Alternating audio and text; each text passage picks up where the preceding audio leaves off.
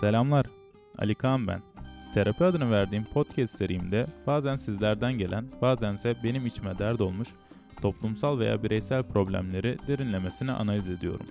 Programıma terapi adını vermemin sebebi mikrofonu açtığım anda sanki bir terapi seansındaymışım gibi fikir ve düşüncelerimi açıkça dile getirebilmek. Bu sebeple konuşmalarımı bir yazılı metin üzerinden değil de doğaçlama olarak yapıyorum. Hatta konuşma yapmayı bırakın sesi düşünüyorum diyebilirim. O yüzden bazen kafam karıştığı için cümlelerim de karışabilir.